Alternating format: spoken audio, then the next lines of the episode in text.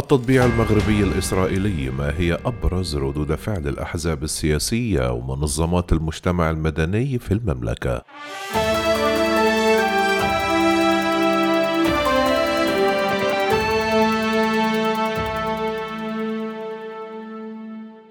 تباينت ردود فعل الأحزاب السياسية ومنظمات المجتمع المدني في المغرب بشأن إعادة تطبيع العلاقات بين المغرب وإسرائيل واكتفت عدة أحزاب قريبة من السلطة بالترحيب بالاعتراف الأمريكي بسيادة المغرب على الصحراء الغربية ودعم بلادهم للفلسطينيين على أساس حل الدولتين، دون أي إشارة إلى مسألة التطبيع، في حين أدانت أحزاب ومنظمات مدنية هذه الخطوة رافضة ربط التطبيع بهذا الاعتراف.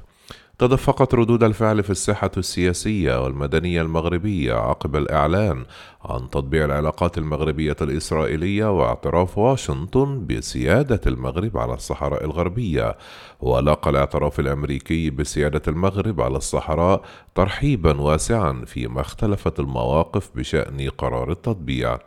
كان الرئيس الأمريكي دونالد ترامب قد أعلن الخميس أن المغرب تعهد بتطبيع علاقاته مع إسرائيل مع اعتراف بلاده بسيادة الرباط على الصحراء الغربية فيما أبلغ العاهل المغربي محمد السادس الرئيس الفلسطيني محمود عباس في اتصال هاتفي الخميس بأن الرباط ملتزمة بحل الدولتين للصراع الإسرائيلي الفلسطيني مؤكدا أن المفاوضات بين إسرائيل والفلسطينيين هي السبيل الوحيد للتوصل إلى حل نهائي ودائم وشامل للصراع.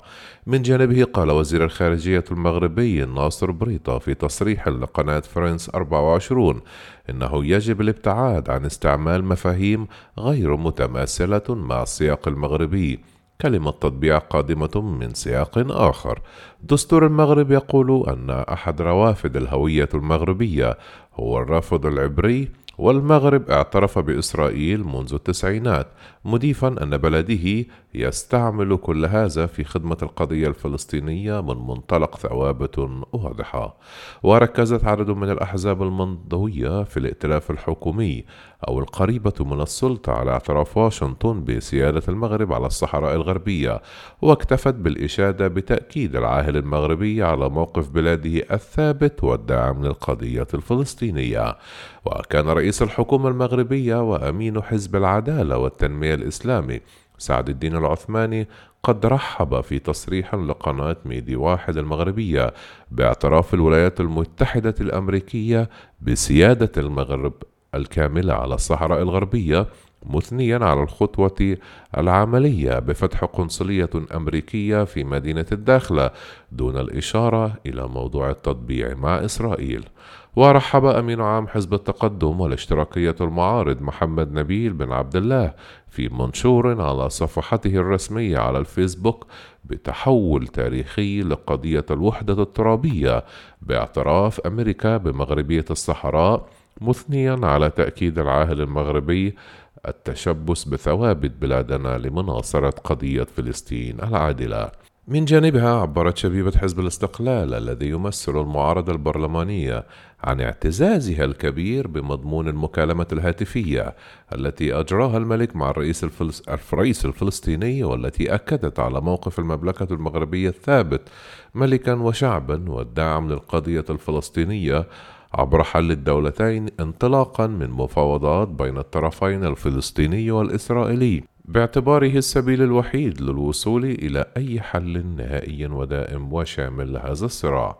في المقابل أدانت أحزاب معارضة ومنظمات المدنية قرار المغرب تتبيع العلاقات مع إسرائيل معتبرة ما حدث بمثابة المقايضة واستنقرت مجموعة العمل الوطنية من أجل فلسطين التي تضم أطراف حزبية ونقابية ومدنية بالمغرب في بيان الخميس. قرار التطبيع معتبرة ذلك بمثابة الخطوة المفاجئة والشاردة عن الموقف العام للمغرب. الدولة خاصة في السنوات الأخيرة برفض تصفية قضية فلسطين ورفض التطبيع الرسمي ورفض صفقة القرن. وشدد بيان المجموعة على أن الصحراء المغربية حررها وبناها ونماها الشعب المغربي ولا تحتاج لتزكية من أي من الصهاينة ولا الأمريكان لتأكيد مغربيتها.